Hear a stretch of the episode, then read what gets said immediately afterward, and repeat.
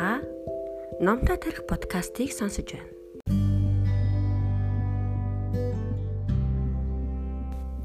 Сургамжит өгүүлгүүдээс ганц олдох хүүхэд нас.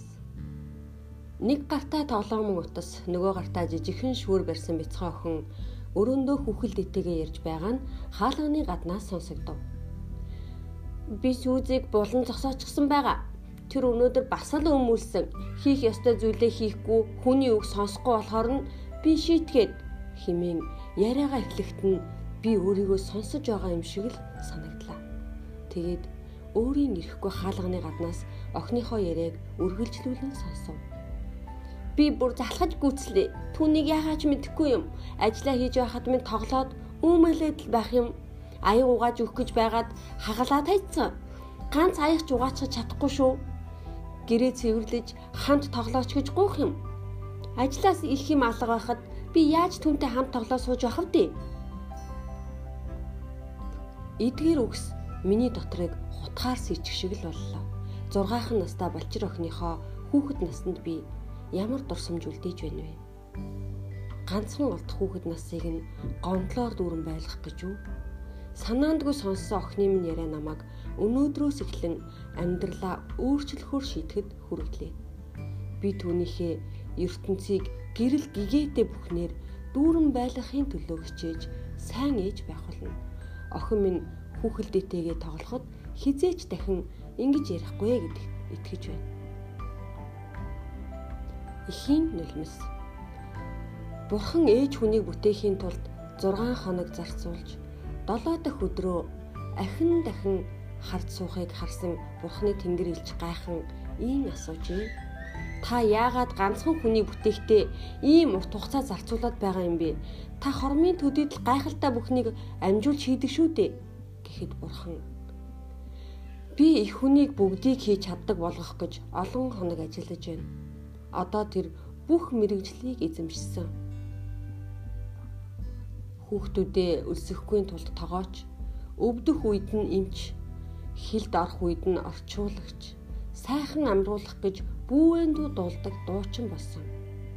Тэнгэр илж гайхан нэг хүнд тийм их зүйл багтаж болно гэж үдээ гэд их хүнд хүрч үзээд эн чинь харахад их хэврэгхэн уян юм байна шүү дээ хэмээн гайхангүй асуухад бурхан тийм л дээ. Би үүнийг ч бас бодолцсон. Хэврэгхэн хэдийч сэтгэлийн хаттай бусад ямар ч бүтээлд байхгүй төвчээртэй бас бүхнийг уучлж инрэх зүрх сэтгэлтэй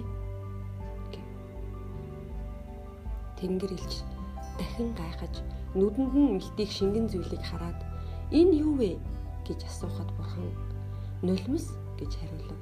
Тэнгэр илж нулимс их хүнд ямар хэрэгтэй юм бэ гэхэд амьдралд олон хэцүү бас сайхан ч асуудлууд тулгарна.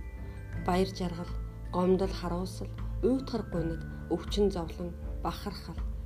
Энэ бүгдээ илэрхийлэн гаргахад нулимс хэрэгтэй юм аа гэв. Тэнгэрийг бурхан руу харан та ямар агуу юм бэ? Та түнд нулимсыг хүртэл бүтээхээр санаачилдаг гэхдээ бурхан Тэнгэр элч рүү харан инээмсэглэнгээ үгүй би эмгтэй хүнийг бүтээсэн. Харин эмгтэй хүн нулимсыг өөрөө бий болгосон юм аа гэжээ.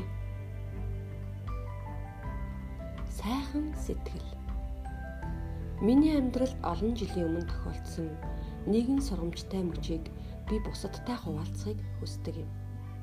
Цаг хугацаа улиран өнгөрсөн боловч энгийн хэрнээ хүнд гайхалтай тэр нэгэн өдөр эхнэр бид хоёрын санаанд үргэлж байдаг. Манай гэр Техаст байдаг байлаа. Эхнэр бид хоёр өөр нэг хотоос гэртээ харих замдаа бензин түгээгүүрийн газар төр зогсож кофе ууж 100 шидэхэр боллоо. Аягтай кофе 100шаа аваад машиндаа эргэн ирж суухдаа тентхийн нэгэн байшингийн урд зогсож буйрыг анзаарч харав. Гэр оронгүй бололтой уранхай норхо хувцс өмссөн тэр ир хэний ч анхаарлыг татахаар савдан харагдаж байсан юм.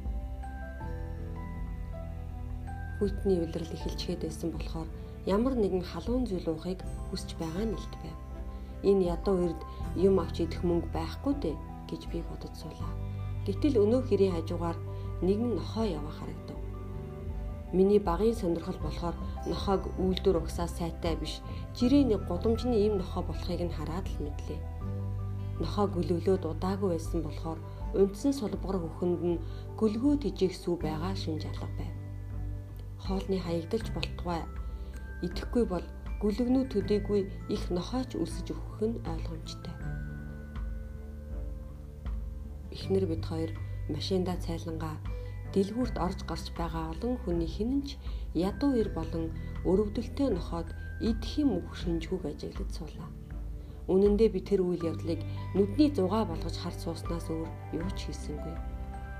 Гэтэл өөртөө ч хоол авч идэж чадахгүй гэж бодож байсан өнөөх ядуу ир дэлгүүрт ороод гарч ирэв. Яг энэ үед ихнэр бит хоёр өөрсдөөсөө туйлын их ицсэн юм. Ядуу ир дэлгүүрээс худалдаж авсан хүнсээрээ өлсөн нохоог хоолсон юм да. Та Номтой тарих подкастыг сонсож байна.